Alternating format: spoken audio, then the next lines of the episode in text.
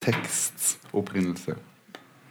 Den første klisjeen er å si at teksten kommer fra forfatterens helt spesielle innsikt i det menneskelige vesen. At forfatteren har sett noe som vi andre ikke har sett. Og ikke fordi forfatteren har studert et fenomen eller har en eller annen vitenskapelig bakgrunn, men fordi at forfatteren er spesielt følsom eller spesielt var overfor hvordan mennesker handler. Den andre klisjeen ofte tyr til, er å vise til en eller annen hendelse som forfatteren har vært gjennom. Det kan være et tragisk dødsfall, et alkoholisert liv, en traumatisk barndom eller lignende. Og fordi at forfatteren har hatt denne opplevelsen, har han eller hun en helt egen evne til å si noe om mennesket. Begge disse klisjeene handler om akkurat det samme om at det er forfatteren som er tekstens opphav. At forfatteren i sin essens har en unik evne til, enten den er medfødt eller tilegnet gjennom et levd liv, å skrive. En evne som andre mennesker ikke har. Altså tekstene følger forfatteressensen.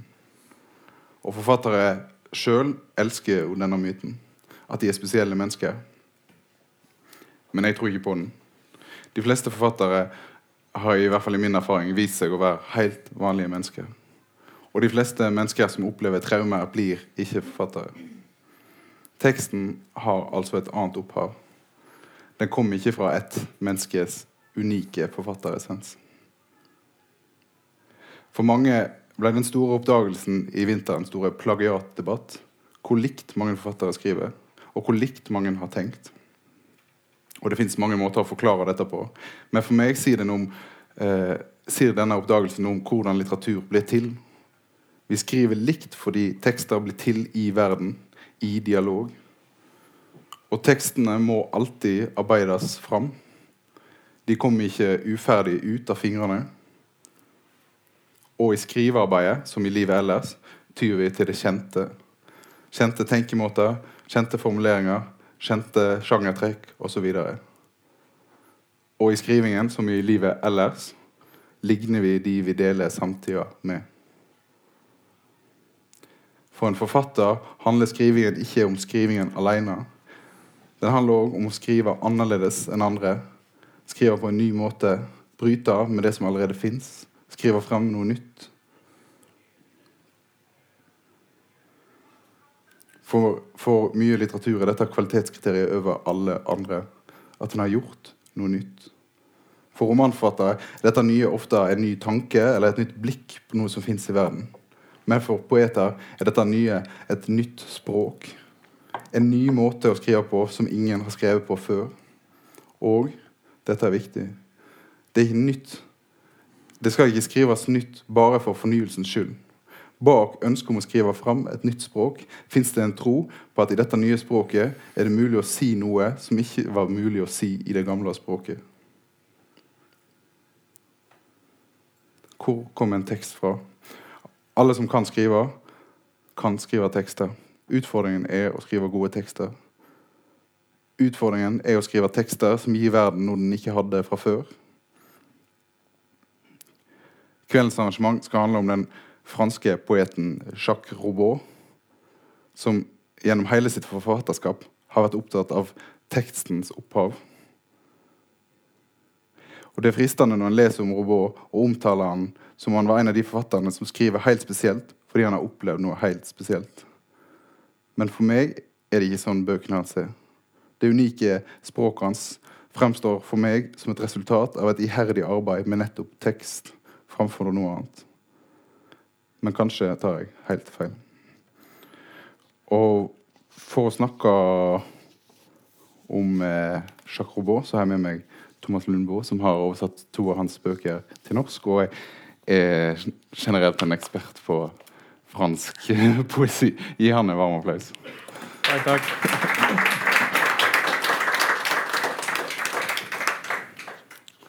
Og jeg tror eh, vi skal begynne med å høre litt.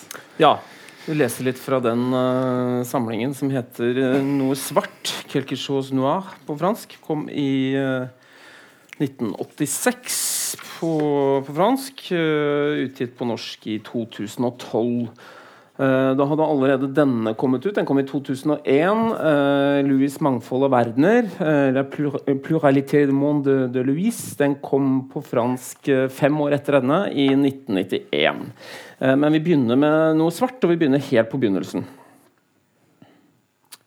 Meditasjon av 12.5.85.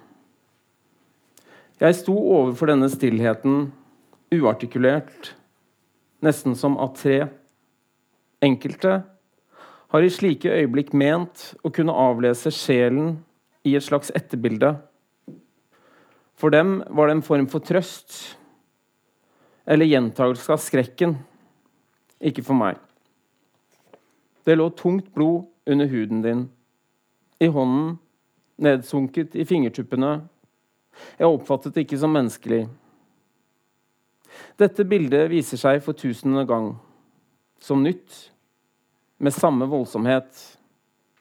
Det kan ikke unngå å gjenta seg i det uendelige. Den neste generasjonen av cellene mine, hvis det kommer en slik tid, vil ikke orke denne besværlige duplikasjonen, disse indre fotografiske kopiene. Jeg har ikke noe valg. Ikke nå. Ingenting påvirker meg i det svarte. Jeg prøver meg ikke på noen sammenligninger. Jeg fremsetter ingen hypoteser. Jeg trykker meg ned med neglene. Jeg er midlertidig, nærsynt. Man kan ikke si til meg Se den planten der borte, ti år frem i tid. Gå mot den. Det menneskelige blikket evner å gi verdi til alt det værende. Det gjør skapningene mer dyrebare. Man kan ikke si til meg Snakk og vent deg noe bestemt av talen. Det vil aldri bli tenkt. Dette er det aller ytterste. En ende der det ikke finnes noen sannhet. Bare en krans av blader som brer seg ut i rommet og opptar plass.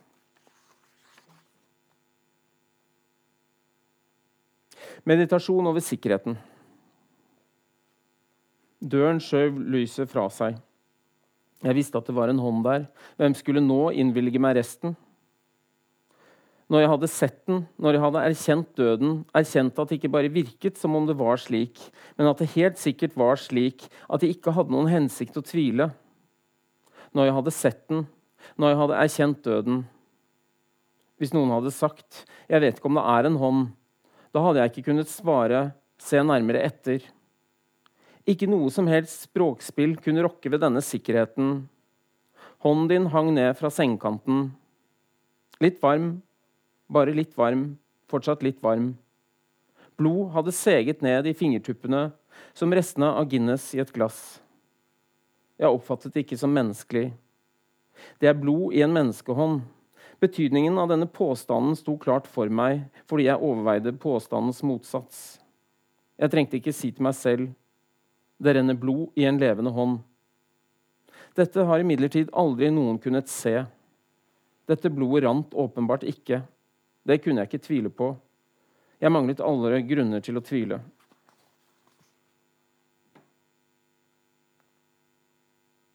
«1983 januar, 1985 juni. Språkets rytmiske register får meg til å føle avsky. Jeg klarer ikke å åpne en eneste bok som inneholder poesi. Kveldstimene burde bli utslettet. Når jeg våkner, er det mørkt. Alltid. I hundrevis av nattsvarte morgener har jeg søkt tilflukt. Jeg leser harmløs prosa. Rommene har fått stå som de var. Stolene, veggene, skoddene, klærne, dørene. Jeg lukker dørene som om stillheten. Lyset går over ørene på meg.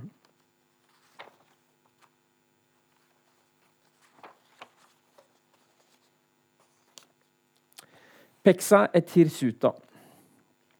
Dante bruker betegnelsen hirsuta, strittende, om ordene som lik småstein kiler seg inn i frasene og stanser flyten i verset. Som konsonantopphopninger, pauser, utrop. Det motsatte, sier han, er ord som er peksa, kjemmede. Kjønnshåret i forlengelsen av magen din, kjemmet. De oppstykkede fornavnene dine, strittende. Jeg brukte alltid begge, slik at de støtter mot hverandre.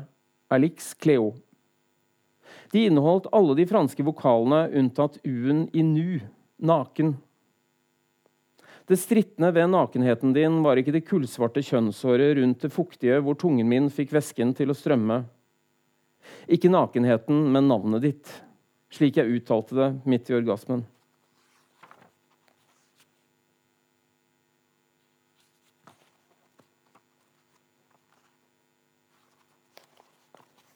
Pornografi. Kan et minne være pornografisk? Det måtte i så fall dreie seg om en pornografi som ikke var offentlig, en pornografi uten tredjepart. For et minne kan ikke skrives, kan ikke vises, kan ikke utsies uten kikkere. Jeg er ikke nekrofil. Jeg begjærer ikke liket ditt. Jeg vet ikke hva det er, om det er. Jeg har sett deg dø. Jeg har ikke sett deg som et lik. Likevel begjærer jeg deg. Disse minnene er de aller mørkeste. Det er de som gjør mest vold på virkelighetsprinsippet. Jeg kaster meg inn i disse brannene midt på lyse dagen. Du rører deg, du puster, men stillheten er absolutt.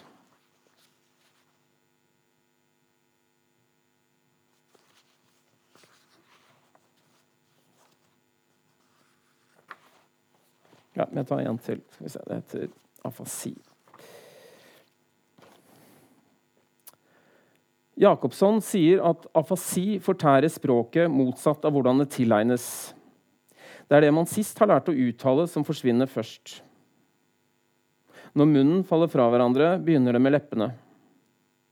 Jeg har tenkt det samme om verset. Når verset går i oppløsning, forsvinner versereglene én etter én i en rekkefølge som er afasisk. Som om poetene ødela bygningen de bodde i, etasje for etasje uten å sprenge hele bygningen med en gang. Stilt overfor din død var jeg fullstendig taus. I nesten 30 måneder klarte jeg ikke å snakke. Jeg klarte ikke å snakke på min måte å snakke på, som er poesien. Jeg hadde begynt å snakke i poesi 22 år tidligere. Det var etter en annen død. Før denne andre døden visste jeg ikke hvordan jeg skulle snakke. Jeg var liksom stum slik stengt inne mellom to kanter av død. Ja, vi slutter her i denne omgang.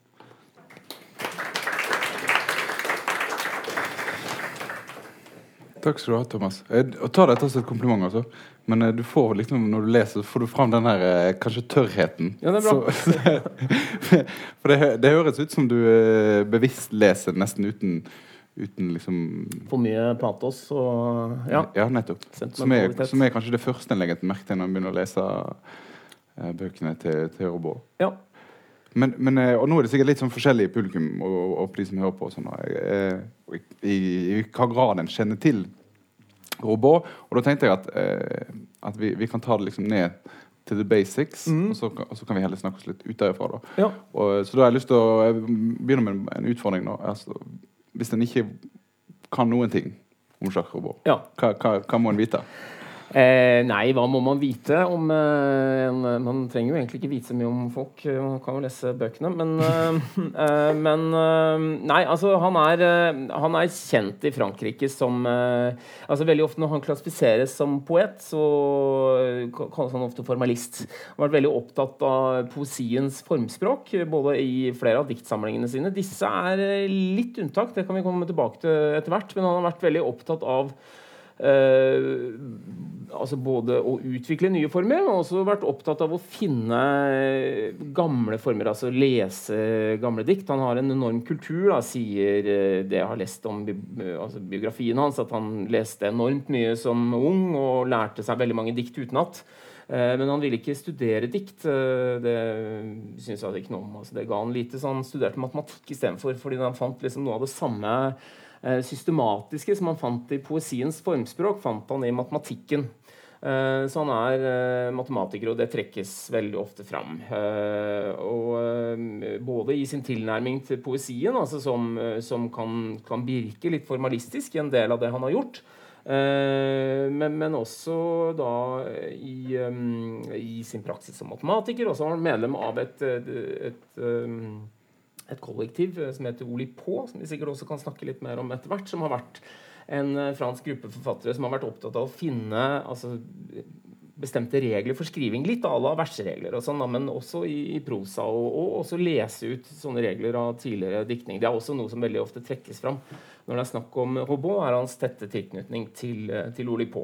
Eh, men altså, det som vel har gjort han mest kjent, da, eh, det, er, eh, det er egentlig disse to samlingene her, og, og særlig denne. Eh, Quelque Noir, som, eh, som, kommer ut i 1986, tre år etter at kona hans, Alix Cléo Robot, eh, som var eh, fotograf, eh, kanadisk født, fransk-kanadisk født, eh, døde etter at de bare hadde vært gift i to eller tre år. Um, hun var, um, hun var uh, veldig sterk astma og døde av en lungeemboli. Uh, og det, det, ene diktet jeg leste her, altså, viser rett, rett, og slett liksom, opplevelsen av å se liket hennes like etter at hun er død. Uh, og, og, som jeg også leste noe som, um, som no, Noe jeg leste her også, var, også det han har referert til, både i prosa og, andre, og i, i denne diktsamlingen også eh, om den språkløsheten som, som fulgte da dødsfallet hennes. Eh, som varte i tre år. Eh, hun var en enormt produktiv forfatter. Han, eh, han, er nå 87 år, tror jeg, og har gitt ut eh, ja, kanskje ikke så mye de siste åra, men det er nesten sånn én eh, eller to bøker i året siden han var 35. Så det, det er et, enormt stort forfatterskap, da, men da var en sånn periode uten at det skjedde noen ting. Eh, hvorpå han begynte å skrive en helt annen type, type tekst enn han hadde gjort før. En, en, en prosatekst eh, som han brukte som utgangspunktet for da, denne boka. Som er egentlig sånn i utgangspunktet Det, det er noen, det noen komposisjonsprins... ja. kanskje, kanskje, jeg skal stoppe deg litt. Også, ja. også før, før liksom det som skjedde etter dette dødsfallet. Ja. Som, som, er, som, blir veldig sentralt i, i måten vi snakker om Robot på. I hvert fall veldig, må, måten han blir presentert på i Norge. Uh, og i veldig mange land, egentlig. Ja, ja Men jeg kan ikke, kjenner ikke til så mange nei, andre land. Men, men er, det er liksom den boka som har liksom, konsekrert han ja. som en sånn Men, men, men kan, vi, kan, kan, vi, stoppe opp litt med å si hva, eh, hva forfatter var han i sitt tidlige forfatterskap? Altså, hva som kjente han til han på en måte Før vi sier hva, det, den store forhandlingen som skjedde, hva var det som kjente han først? Eh, nei, altså, eh, som sagt, Han har en enorm sånn kultur bak seg, mye lesning. Eh, og han, han, har liksom vært interessert i forskjellige typer formspråk. Hvis du lurer på hva, liksom har, hva, slags poesi han har skrevet før det, så, så, um, så hadde han, han ga faktisk ut to ungdomssamlinger som han ikke vedkjenner seg nå. Som han sier han beklager at de fins på Nasjonalbiblioteket i Frankrike, eh, men, men, som er veldig preget. Altså, den, den første er veldig sånn, eh, sånn Den tror jeg man bare var 17-18 år eller noe sånn, Veldig sånn romantisk og i en sånn typisk sånn tidligmodernistisk fransk tradisjon. Eh, med, med, ganske følsom Og så var han det var han også, så Jeg intervjua han en gang i, i um, Men som han fikk utgitt, rett og slett? Som han fikk utgitt da. Ja. På, på, på, og et lite forlag, ja, men ikke uten å lage seg noe navn. Eh, så var han veldig lenge opptatt av surrealismen, som veldig mange var i Frankrike. ikke sant? Og det, Jeg vet ikke hvor godt dere kjenner surrealisme, men altså det, ideologien er at man skal, som, eh, man skal gjennom å slippe det ubevisste fri, så skal man inn i en, en ny virkelighet, en overvirkelighet, en surrealisme, altså en virkelighet som er enda virkeligere enn virkeligheten.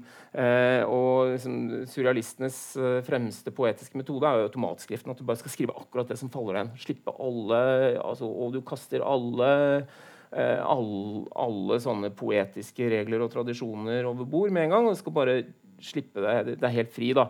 Eh, og jeg intervjua han i 2007 for Vagant. Han var her i Bergen da på eh, poesifestivalen Audiatur. Og da snakket han om dette, da, om hvordan han liksom havna inn i det han kalte en surrealisme-moll. En slapp eller dvask surrealisme. som var liksom, at det begynte å, altså Selv der så begynte det å gå litt sånn på autopilot. Um, og så nevnte jeg også, eller ikke jeg nevnte, men jeg uh, leste et dikt her hvor han refererte til et annet dødsfall. Uh, det var Broren hans begikk selvmord jeg tror det var altså, i 19 1964 eller 5. Men, altså i denne surrealismefasen ja, altså, mens han var i, i den fasen. Mm. Eh, og da begynte han å skrive på en helt annen måte. altså hvor, liksom Om det er sånn årsak og virkning og sånn, om det skjer akkurat etter. Men, men det var etter det at, at, han, at han forløste et nytt formspråk. Uh, hvor han ga ut uh, den, den uh, fikk gitt ut den første boka si, som handler mye om Den første som han anerkjenner i dag? Ja, den, den, som, er, den som, regnes som debuten hans. Ja. Den er også sånn, kanskje den er ikke så kjent, men altså sånn, sånn i, liksom, i, i fransk poesi så er det en liten klassiker. Altså for de som, eh, altså I fransk samtidspoesi. Det er ikke noe særlig mye utbredt lesning av det i Frankrike enn i, det er av norsk samtidspoesi i Norge. Så, så det er liksom i, i, små forhold. Men den, eh, den uh, boka, altså i skrivingen av den, så begynte han liksom å gå til den motsatte ytterligheten. da, altså fra fra en helt sånn uh, slipp alt fri-tilnærming uh, til å ha veldig sånne stringente regler for hvordan man skulle skrive. Uh, så den, den Tittelen på den boka er, det er, tegnet, altså det er elementtegnet fra den matematiske mengdelæren. altså det ser ut som en E mm. med en sånn strek i midten, men det er ikke en E. Det er ikke epsilon, det er ikke den greske bokstaven epsilon heller, men det er altså det tegnet for tilhører mengden av. Uh, og der er hver avdeling uh, har en, tit tittel som er så, tegn fra mengdelæren. og det er også noen organisasjonsprinsipper som jeg ikke har, har ikke, altså jeg, jeg, må innrømme jeg, har ikke satt meg ordentlig inn i detaljene der, men som, som, er, som har med mengdelæren å gjøre. Og så er også hele Altså alle diktene er er satt opp eh, som brikkene i et bestemt parti av det japanske brettspillet Gå. Uh, som han også har skrevet om. Uh, så Det er som to sånne prinsipper. Uh, og så er det i tillegg så er det, er, det, er forskjellige former for sonetter. Det er sonetter på rim, vanlige alexandrine-sonetter på andre versmål, sonetter på prosa, sonetter på bare én bokstav i, hver, i hvert vers.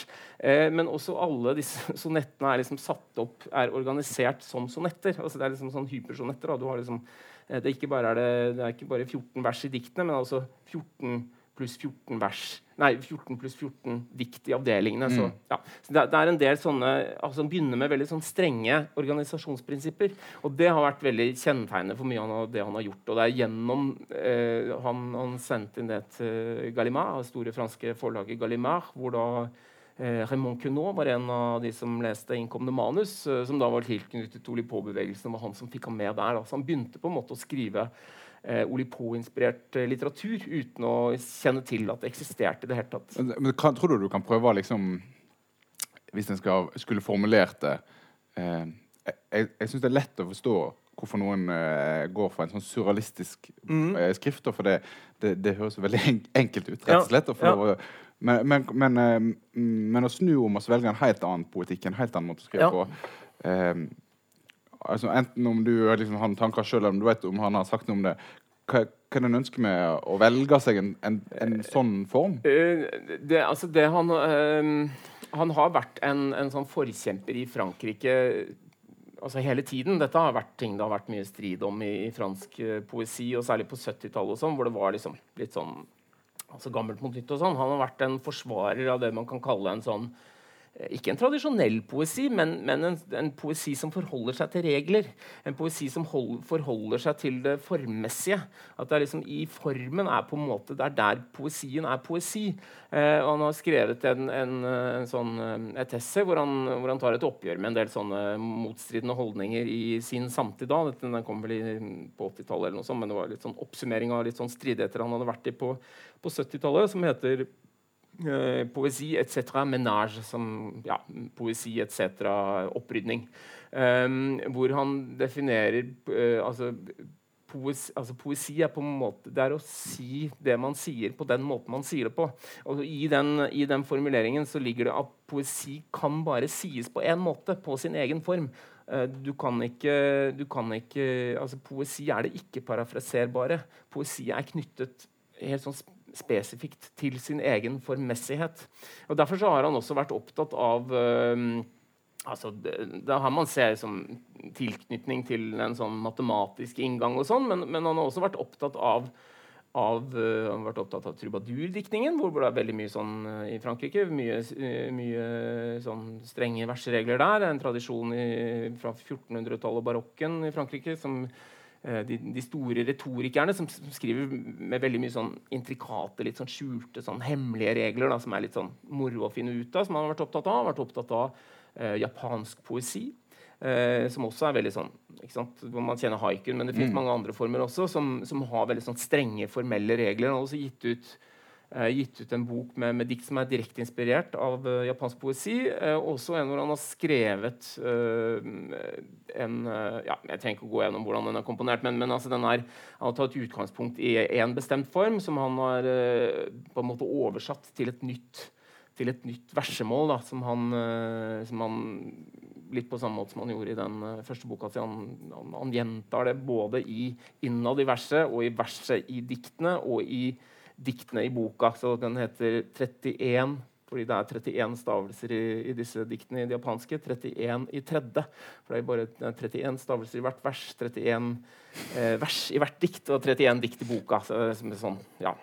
Eh, så um, Jeg, jeg syns det er veldig fint det som eh, det du, det, det du sa at han hadde sagt om, at, om, om det, eh, hvordan diktet er knyttet til formen. Ja. Og det tror jeg veldig mange som, som leser dikt har opplevd. Liksom, hvis en skal gjenfortelle ja hva en diktbok eh, handler om, eller sånn, så blir det fort det noe helt annet enn ja, den boka du har lest. Sånn.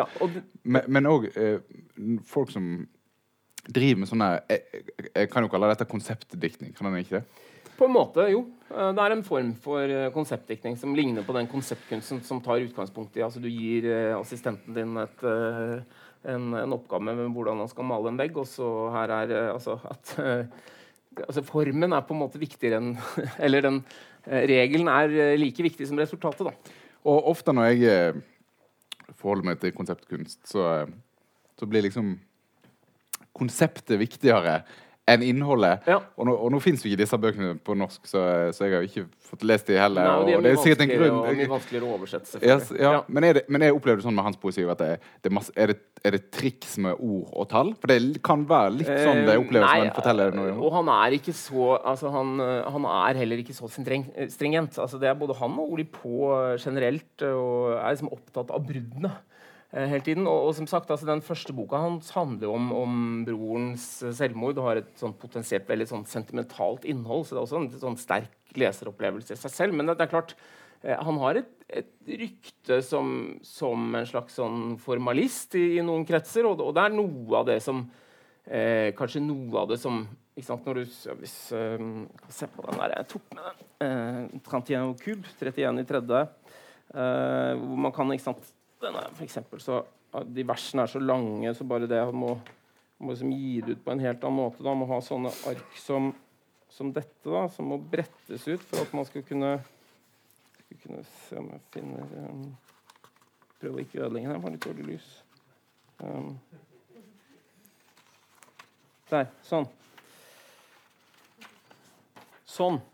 Så der har du liksom alle Og det er, det er også organisert på um, så, altså versene er lengre enn en vanlig side? Vanlig så du må brette ut for, å se Bare der så får du umiddelbart litt sånn det, det, kan gi litt avstand da, når ja. du ser det. fordi uh, det er en del, sånn, eh, sånn, uh, en del av de formatene han prøver ut, sånn, som, som, bryter med, med kanskje den oppfatningen som du nevnte i innledningen, som jeg syns var en god inngang til det. Med, med, det med, med den oppfatningen at, at, sånn, at, at Og det er jo litt den, den holdningen man har i surrealismen. At det skal komme fra et sånt en sånn forfatteressens som ofte er knyttet til noe indre. Og sånn, og det skal liksom litt sånn ufiltrert ut. Og det, er sånn, det, det har sin, uh, det har sin uh, særegenhet og autentisitet i kraft av å komme fra et sånt unikt subjekt. Mm. Uh, mens en del sånn konseptkunst og en del sånn poesi som, som Robot har nærma seg, er jo litt sånn anti subjektivt. i den forstand. Men, men, han skriver det, det, er også noe med det ikke sant?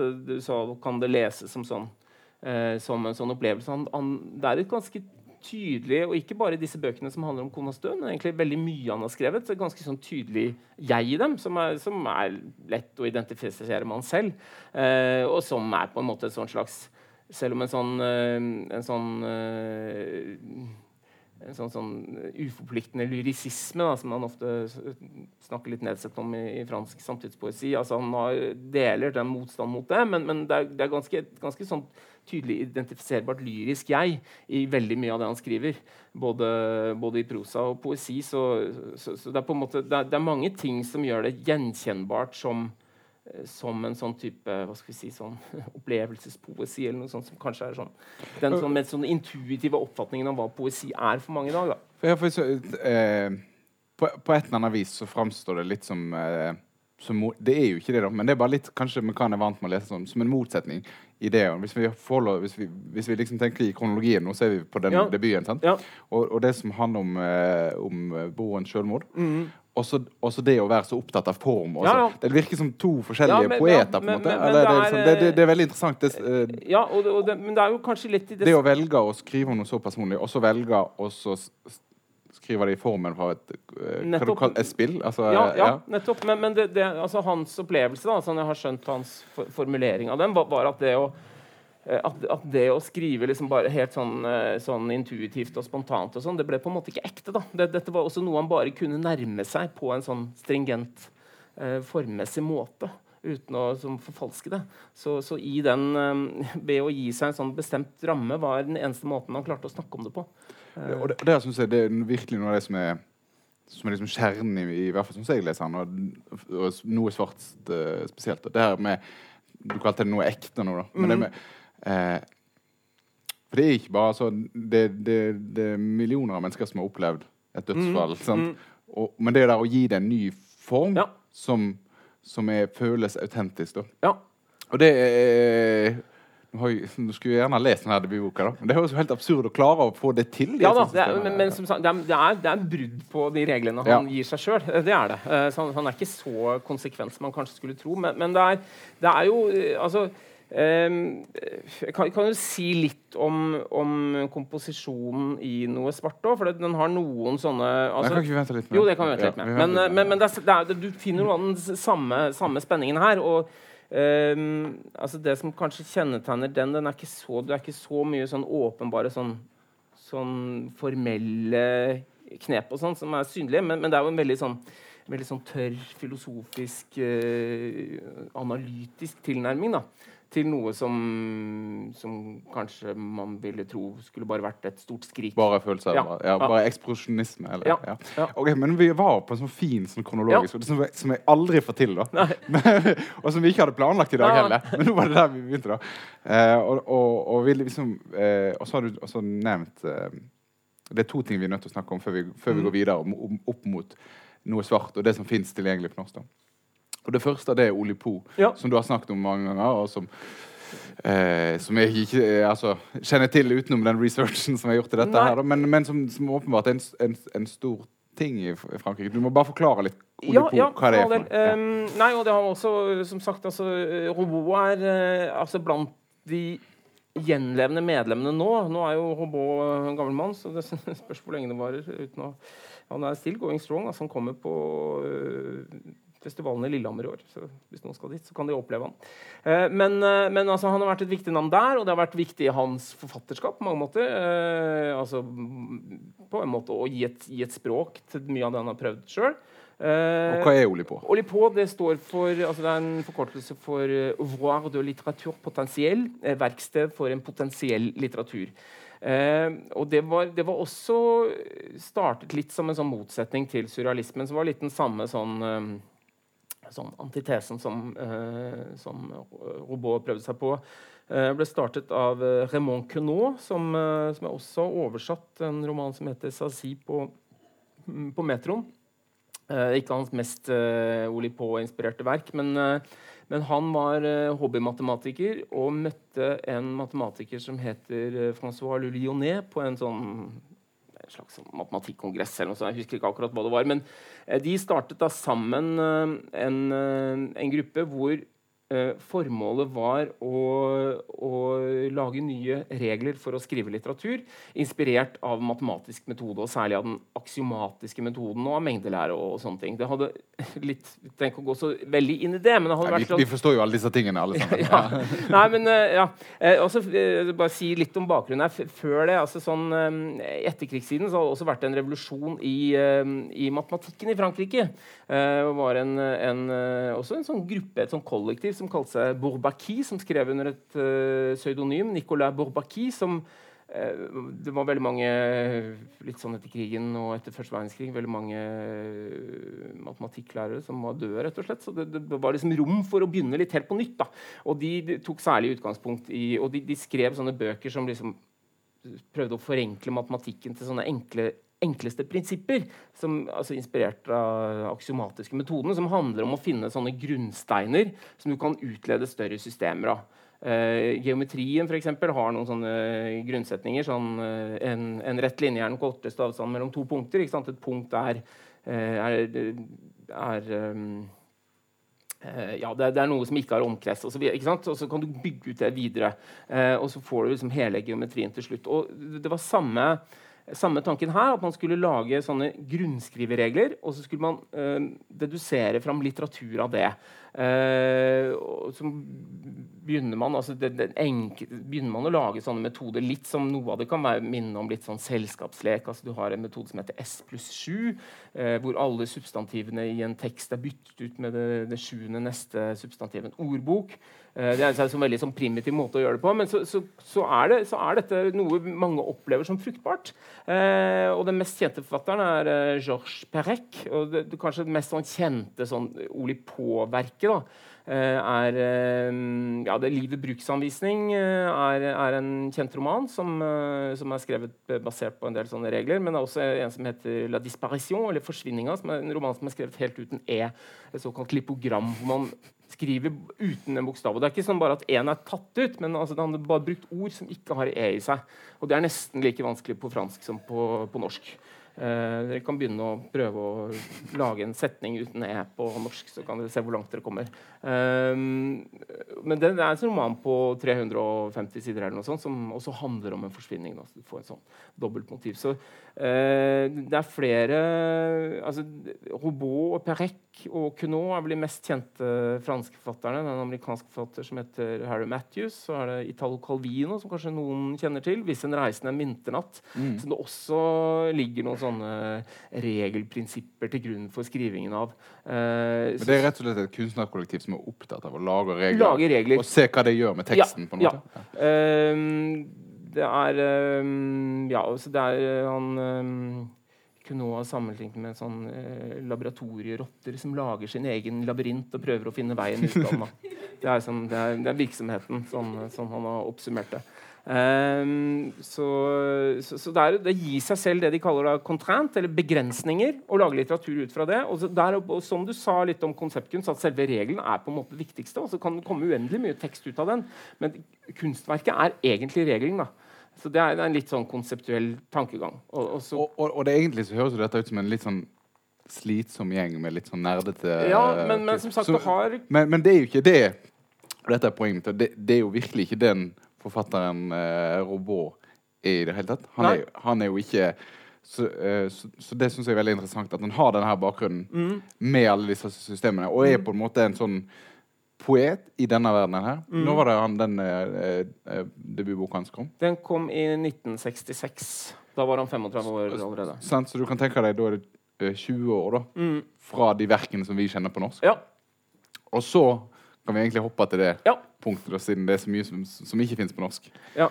Og så er det dette som skjer. Ja. Eh, altså eh, Jeg kan ikke du ta jo, du, altså, det, du, du, har fortalt mye allerede, men det med eh, konens dødsfall og så den der slutten på skrivinga. Ja. Språk, språkløsheten hans i sitt tredje år, som han, som han, refererer til i flere omganger i begge disse bøkene her. Og, og altså Veldig mye av um, Eh, veldig mye av noe svart handler om det å ikke klare å gjøre noen ting. egentlig, Om, om bare å, å, kretse rundt et, noe svart. da, som er liksom, eh, Han skriver et sted om selve døden i seg selv. altså Ikke, ikke døden som opplevelse, men døden som, som, som ingenting. Som, eh, som, noe som ikke går an å snakke om.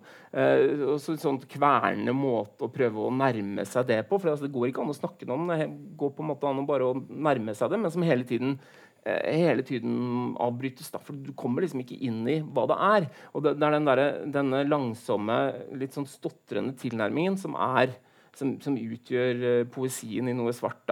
Uh, og som sagt, som jeg vel nevnte, han, han, begynte å skrive en sånn, litt sånn utflytende prosatekst som, som etter hvert har blitt et, et eget prosjekt. Eh, som den første boka der heter 'Londons store brann', som også handler mye om dødsfallet til Alix Cleo. Og så er det kommet eh, flere bind i en sånn selvbiografisk syklus. Men, men han begynner med den prosateksten, så, så, begynner han å bryte opp den og bruker en del av den i, um, i, um, i den poesien er, eller i de tekstene som er blitt til noe svart. Uh, og, uh, og så, så, skriver han da videre ut ifra det. Og som sagt, det er en veldig sånn uh, formstringent forfatter, men opplevelsen her er egentlig at hele tiden så bryter formen sammen. Jeg skal lese én tekst da, som et eksempel, uh, eksempel på det. Gjør det. Uh, så, som begynner med, med sånne med, med, ganske sånne tydelige tydelig versifiserte vers. Uh, Uh, men så stopper det opp halvveis.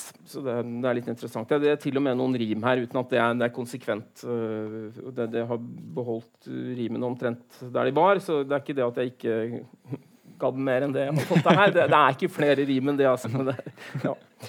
um, u, uh, meditasjon på samme, ves, på samme vis.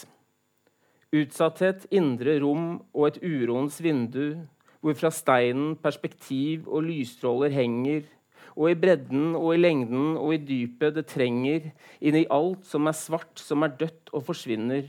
Og i rom, i kompakthet, i antall, har jeg tvil om alt som avbildning, klarhet og figur er unndratt. Denne grensen, dette skillet, denne graven som stenger for det lufttette, ikke-rene, for all rett til adgang. Søvnens klimaks, inntørket avstand, hviler svart og tyngende. Tilfelle, utrivning, krenkende skjerm. Intervall, passiv stein, gresskant. Dere kan aldri gjøre til denne tilstanden begripelig for meg. Dere kan ikke forene steinene foran øynene mine. Dere kan ikke få meg til å se dette ingensteds. Så det er, det er en sånn spenning mellom, mellom noen sånne tilløp til form og et sånt sammenbrudd hele tiden da, når han liksom skal nærme seg uh, For Det virker jo som, som han har forsøkt å lage noen regler. Også. Ja, ja, akkurat her er det det. Og, og det, nå kan vi kanskje nevne det, men det er jo et sånt um, Selv om Altså um, så, Som sagt, kjent som en veldig formvis forfatter. Denne boka er vel sånn i, sånn i det umiddelbare inntrykket den minst formbevisste av alt han har skrevet, egentlig. Eh, men, men det fins et, et, litt sånn større eh, komposisjonsprinsipp her. Eh, som minner om ting han har gjort før, som tar utgangspunkt i en middelalderform som het Sestinaen. som var en sånn, Det var eh, seks vers med seks stavelser i hver, eh, som ble gjentatt eh, med, med, med, seks rimord som ble gjentatt etter et bestemt mønster i seks strofer. Uh, under hverandre, og så tre til slutt. Og de, de rimordene skulle kombineres uh, med en sånn spiralform som, som vred på dem etter en sånn, litt sånn kodenøkkel nærmest, da, for hvordan rimordene flytter seg fra, fra strofe til strofe. Uh, og dette her da, ut, uten, at, uten, at, det går an å finne noe så konsekvent formprinsipp her, så har han på en måte gjentatt det med en det var noe Oli påsnakket om om det gikk an å lage sistinar med andre tall. Da. Så, finne ut hvilke tall man kunne gjøre det med. Eh, det, det, klarte Robot å finne ut at det var alle primtall som kunne Eller alle, alle tall som kunne være på formelen eh, et primtall ganger to pluss én. Eh, det er liksom de tallene man kan lage tilsvarende av. Eh, nå, nok, nok nå, hø nå, høres det ut som en kjedelig bok igjen. ja, nok om det. Det tallet han, det tallet han Nei da, matematikk er ikke kjedelig. Det er misforståelse. Eh, det tallet han tar utgangspunkt i her, er ni. da. Eh, ni som også er eh, eh, som, som, man kan Ja, det er noe hos Petrarca sånn, hvor ni er liksom dødens tall. Da. Men, men i, alle, i alle disse diktene så er det på en eller annen måte så er det ni ni vers, men disse versene kan se sånn ut. Altså, det kan være prosa, sånne pro, prosastykker. Eh, eller små, små prosafragmenter. Eh, og så er det I hver avdeling så er det ni dikt med disse ni versene, og så er det ni avdelinger. Eh, og det blir til sammen eh, Det blir 729 eh, vers. Og hvis du legger til eller, ja, og så er det et siste dikt her. så Hvis du legger til det, så får du 730, som er like mange dager som det er i to år. Som er omtrent avstanden til da kona døde. Så det, det er noen sånne prinsipper eh, her også. Men, men det, som, det, som, man ser her da, hele tiden, er at, at det, liksom, det, bryter, bryter, sammen. Eh, så, så, selv om du har dette overordna prinsippet, så, så, er på en måte ikke det noe du, du, trenger ikke å vite det for å lese disse diktene. Altså det, tilfører jo en eller annen sånn slags sånn konsekvens i formspråket her også, men, men, det er mye mindre åpenbart. og Det, det er på et mye mer sånn overordna plan. Det er, det er, mindre sånne eh, altså det er mindre sånne ting som skjer internt i, i versene og i diktene. Uh, jeg, når, jeg, når, jeg, leste den boka for første gang, eh, som var sikkert om når han kom ut på norsk, eller ikke så lenge etterpå, så hadde jeg jo ikke noe eh, Jeg kjente verken til Oli på eller Nei. matematikk eller Men- men- altså eh, med, med, Og det bare oppleves som en sånn eh, For en, i hvert fall er det sånn når en første gang jeg leser gjennom en bok, så, så, blir en jo lurt av alle triksene som Mm. finnes. Sånn som dette med ni ganger ni eller rive. Ja. Altså, altså, en kjøper jo bare alt inn første gjennomlesningen. Og det bare framsto som en sånn eh, utrolig var og rå Ja. eh, eh, beskrivelse av den følelsen av å, å, å, vært, ha mista kona si, da, eller den Ja. en elsker, liksom. Ja. Og, eh, ja, de, alle de første diktene handler jo om bare det å se hånda til den døde. Ja. det er en sånn utrolig sånn følsomhet og nærhet, først og fremst. da. Og, og så lurer jeg litt på og Dette er kanskje vanskelig å svare på, altså. Men for denne, denne boka har jo, øh, har jo virkelig blitt øh, den han er kjent for. ja. Det, Eh, Men er det og, da, og, egentlig, og så har jeg inntrykk av at måten han har blitt introdusert på i Norge, som er liksom først og fremst via denne boka her, da, og det samme i Danmark og Sverige, har jeg inntrykk av, så, så er vi ikke opptatt av disse systemgreiene og sånn. Altså, er det er, er, Nei, han, han treffer midt i en sånn klisjé da, av den poeten Ja, som, som, som mister sin store kjærlighet, og som skriver om det. på en ja, måte. Han, han tikker veldig mange bokser, og så og så er boka i seg sjøl eh, enormt sterk. og rett og slett. Ja. og det er noe um, det, det, det kan, Du kan si noe om det. Jeg vet ikke om det er noe svar på spørsmålet ditt, men, men han er også, også poesiteoretiker. Ehm, en, noe av det han har skrevet om, er, er forfallet i den franske alexandrineren, franske tolvstavelsesverset. Hvordan det liksom var enerådende i Frankrike i nesten 300 år. og Så kommer modernismen, og så bryter det sammen. Og etter det har man fått liksom, har friverset blitt standarden. Um, og det, Noe av det som kjennetegner friverset, i motsetning til mer sånn regelbundet poesi, er, er at det er, det er lettere å parafrasere. For du har ikke noen regler som, som du må overføre til et annet språk. Du, det er mer et sånt innhold som du kan, du kan si på en annen måte. Eh, og han mener jo da at det kanskje ikke er poesi lenger, da, på samme måten. Men uh, uh, dette friverset er jo også da lettere Siden det er lettere å parafrasere, så er det også lettere å oversette. Og det er jo eh, litt sånn typisk da at sant, sånt, at det som da når ut av Frankrike, av det Robot har skrevet, er det som er minst sånn konsekvent formmessig, sånn, i hvert fall i det umiddelbare inntrykket. Eh, det går fint an å lese dette her som en, som en prosatekst uten å tenke på, på verserytme i den grad det er her i det hele tatt, uten å tenke på noen komposisjonsprinsipper og, og tall, eh, tallfigurer som ligger bak og sånn. Eh, så, så, så dette her egner seg veldig godt for oversettelse, og det, og det er jo en av det, det er jo en av grunnene til at det blir oversatt òg. Så du mener det er ikke nødvendigvis hans beste verk? Eh, jo, altså det, det vil jeg si. For den, den Eller beste og beste er vanskelig å måle. Altså Kanskje er den egentlig den første er kanskje en sånn altså Som en sånn poesisamling er kanskje mer hva skal vi si, altså det, er, det er bedre gjort da, på en eller annen måte. Og, og også fordi den også ivaretar en eller annen sånn en sånn eh, umiddelbarhet i det, i det den snakker om.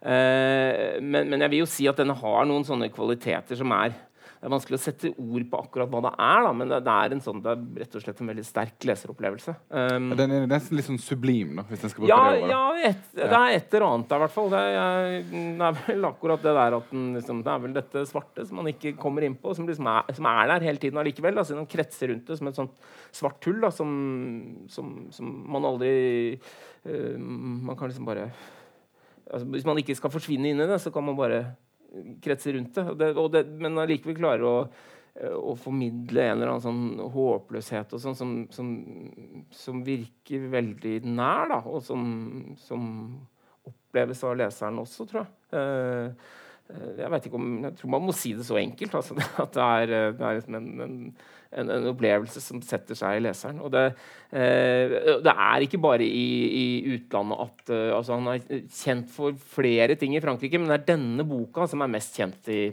i Frankrike òg. Og det var eh, en litt morsom historie. Han, han ble, mm, I Frankrike så har de sånne eliteskoler. sånn École normale ditt og datt. Altså på det som heter École normale supérieur.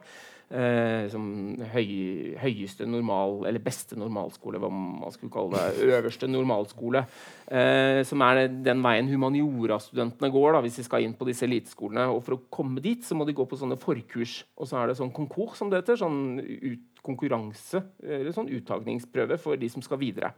Eh, på disse École préparatoire, som heter forberedelseskursene, som Robot for øvrig sjøl gikk på. Og begge foreldrene hans hadde gått på École normale supérieure. Til og med moren. Det var veldig uvanlig i hennes tid at kvinner gjorde nok om det.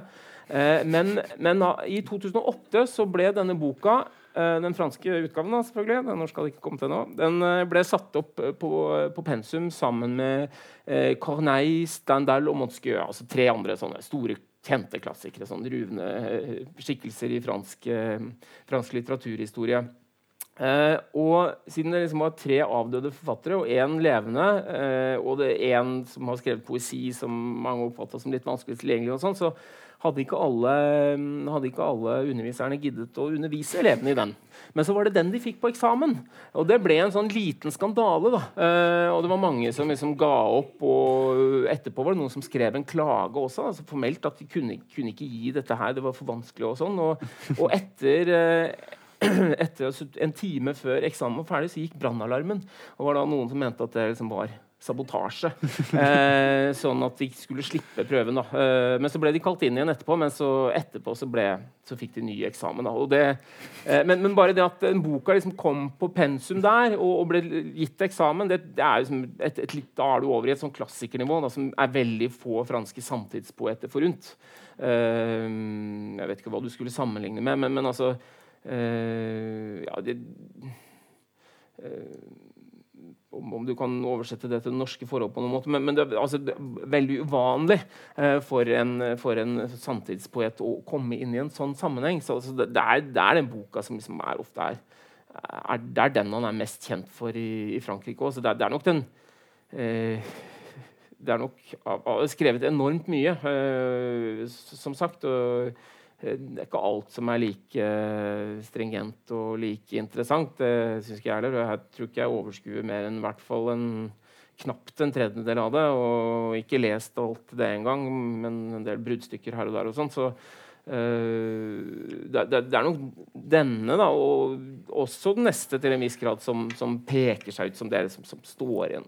Som han da, i tillegg til virksomheten gjorde på, også, som er på en måte noe litt sånn det er noe som ligger litt sånn utenfor verket. Som, som, ja. som er liksom, altså Verket er på, ikke nødvendigvis boka, men, men virksomheten rundt. Jeg, jeg merker jo det at uh, nettopp det, det, som, det, som, man sier er det, så, så, så leser det diktet, En dikt som du leser, det er afasi. Det er jo en slags, mm. nesten en poetikk. Ja. Og det, dette er af, af, afasi, altså det er jo det språkløse. Mm. Og jeg merker Når vi snakker om boka nå, det er veldig vanskelig å snakke om det som skjer i boka. Ja. For Det er mye lettere å snakke om form og ja. historien til boka. og alt det rundt altså. Så den må liksom bare og vil, hvis, hvis en syns dette høres litt interessant, så må jeg virkelig anbefale å lese den, den boka. For det er virkelig en stor det er en stor, stor leseropplevelse. leseropplevelse. Absolutt. Og det var en stor uh, oversetteropplevelse også, må jeg si. Ja, det vil jeg tro da. Ja, det er en av de også, fineste jeg har hatt, egentlig. Sånn, uh.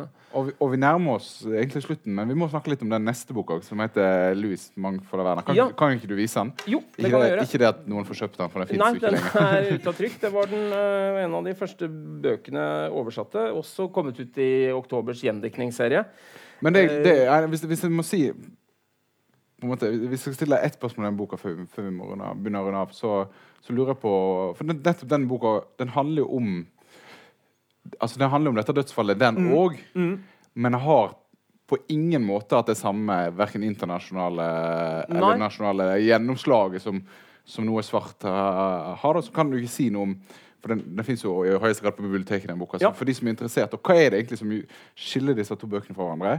Hva, og hva er det som hvis du har liksom teori på det, hva som gjør at noe svart er blitt en sånn standardverk i europeisk samtidspoesi, mens Louis Mangfold av verden er, er et sånn eh, kuriositet, eller nærmest? Det er nok eh, det, eh, altså det er jo det er fem år etter at denne kom ut, så det er gått og da enda lenger siden uh, Alix Cleo døde. Um, så det, det, det, er jo en større avstand, uh, og det er nesten en enda sånn tørrere og mer filosofisk tilnærming her, som, som kanskje gjør den også en altså, kanskje sånn umiddelbart virker vanskeligere tilgjengelig. For det er, altså det er mer sånn tydelig filosofispråk. Da.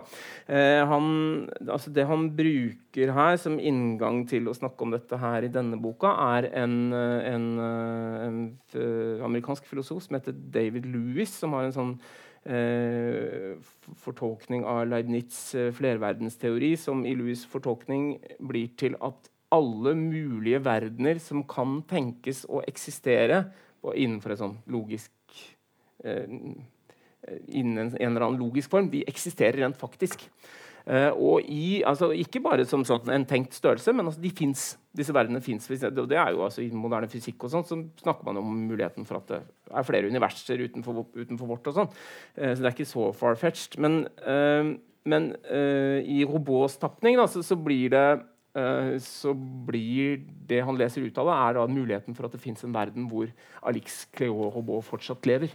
Uh, så, så, så, det er, um, det er liksom ideen her. Og så er det, det er den første avdelingen, som, som er, uh, som er Louis' mangfold av verdener, er um, 30 dikt da, som er skrevet som en sånn type sånn undersøkelse av den muligheten uh, i, i, i verseform. Um, kan kanskje, vi har kommet et stykke nå, så jeg kan kanskje runde av med å lese noen tekster herfra. Ja. Var det noe mer du du, jeg føler vi fremdeles er på liksom basic. Ja, ok. Ja. men, eh, men, vi, men, men, men, tida vår er, er godt, ja. hvis vi skal høre lesning òg. Og jeg, jeg, vil jo jeg vil anbefale det Lus og eh, mangfold. Den boka er òg fin, i hvert fall hvis du klarer liksom å komme deg til den biten som heter meditasjon her. Som er den ja, fineste. Ja, den, ja, det er jeg kanskje enig i. Det er en, du tenker på de uh, sirkelmeditasjonene her. Ja, ja, ja. Så det må bare er, kjempe seg gjennom. Som ikke har noe med, med, med hennes uh, med, med, det dødsfallet å gjøre. Så, som er uh, sånn Uh, en sånn type prosadikt Vi skal kalle det prosadikt engang, men en sånn type prosatekster som er veldig sånn langsom innsirkling av enten ting eller uh, sansefenomener eller uh, eller andre ting som, som, er veldig fine. Jeg er enig i det. Men hvis vi skal holde, knytte disse to bøkene sammen, så er det den første avdelingen som er mest sånn umiddelbart gjenkjennbart. Da. Og det, jeg skal, tenkte jeg bare skulle lese en litt fra et dikt her som heter um, Som heter uh, Er det roman det heter? Eller er det Ja, roman to. Uh, hvor, uh, som legger litt av premissene for, for, for, den, for, den, boka der. Så jeg skal lese bare Vet ikke om jeg skal lese hele Jo, jeg tror jeg leser hele. Så tar jeg tre dikt derfra. Det er en annen roman, kanskje den samme. En mann som er blitt alene etter et dødsfall, blir oppringt på telefon. Oppringningen, oppringningen er fra kvinnen han elsket, som er død. Han gjenkjenner stemmen hennes. Hun ringer fra en annen, en mulig verden, som på alle måter er helt lik den han er vant til, med den eneste forskjellen at i denne verdenen er hun ikke død. Men hva vil han si? Hva har skjedd i denne verdenen i løpet av de siste 30 månedene? Hva vil hun si til han? Hvordan, han, hvordan kan han tre inn i denne verdenen hvor det forferdelige ikke har skjedd, hvor døden er opphevet, hvor, hvor, kampen mot døden fortsetter, hvor de innbitt kjemper denne kampen som her, i denne verden hvor han fortsatt befinner seg i det han løfter av røret, er tapt. Han kommer til å løfte av røret, høre stemmen hennes. Denne verden hvor han fortsatt befinner seg Telefonen har nettopp ringt, men han har ennå ikke rørt på hånden for å svare. Vil bli glemt. Denne verden vil ikke ha eksistert. Den vil bare ha eksistert som en mulig verden hvor det som fantes, var døden og ikke livet. En verden han hele tiden fortsetter å tenke på, selv om den er utenkelig. Han kan prøve å forestille seg i fantasien hvordan det blir å være i den verdenen der hun er død, men han vil uansett aldri klare å forestille seg dette. Telefonen ringer ikke. Så lenge den ikke ringer, er den nye verden, den mulige verdenen fortsatt mulig. Det er fortsatt mulig at telefonen ringer, og at stemmen som kommer, er stemmen til kvinnen han elsket, som er død. Som da har opphørt å være død, som aldri har vært det. Telefonen kommer til å ringe. Stemmen mannen som er blitt alene etter et dødsfall, hører, vil ikke være stemmen til kvinnen han elsket. Det vil være en annen stemme, en hvilken som helst stemme. Han vil høre den. Det vil ikke bevise at han er levende. Skal jeg lese tre dikt fra Louis Mangfold og Werner. En kropp og kroppens skygge delte en verden. Skyggen av skyggen bredte seg over kroppen. Denne verden var en sammensmeltning av alle mulige skygger. Og skyggen av hver enkelt del av verden var selv en sammensmeltning av denne verden og av den alene. Skyggen, sammensmeltningen av skyggen, holdt en verden i live. Når skyggen og skyggen av skyggen ikke lenger forenes i en verden, er denne verden død. Fra verden til verden. Det finnes ingen reise fra verden til verden. Ingen reisende som bringer sin verden med seg fra verden til verden. Det finnes ingen mulighet til å skilles ad med forløpet, våkne opp forut for tiden eller på noen som helst måte overleve den øyeblikkelige retningsløsheten. Jeg våkner opp i natten, jeg ser bakenfor verden. Men det er ikke slik jeg skal nå deg.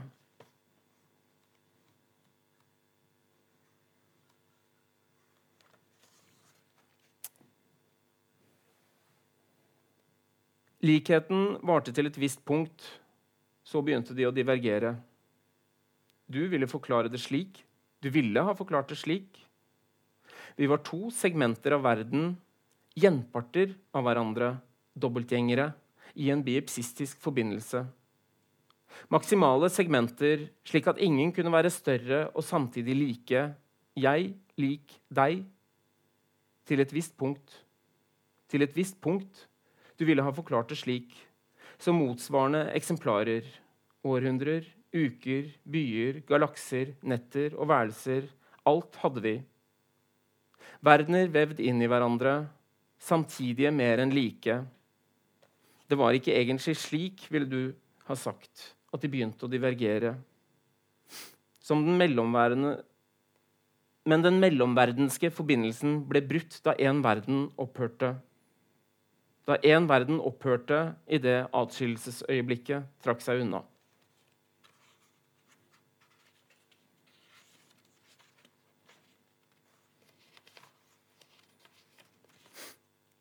Våre få års verden. Våre få års verden buet, allerede rødt, over den sluknede øyehulen, harde linjer trukket helt inn i mørket i hånden min under stoffet som lå under hånden din, klemt av den hånden din, helt inn til deg. Foran oss åpnet åndedraget en bukt med frisk luft, kald. Takk.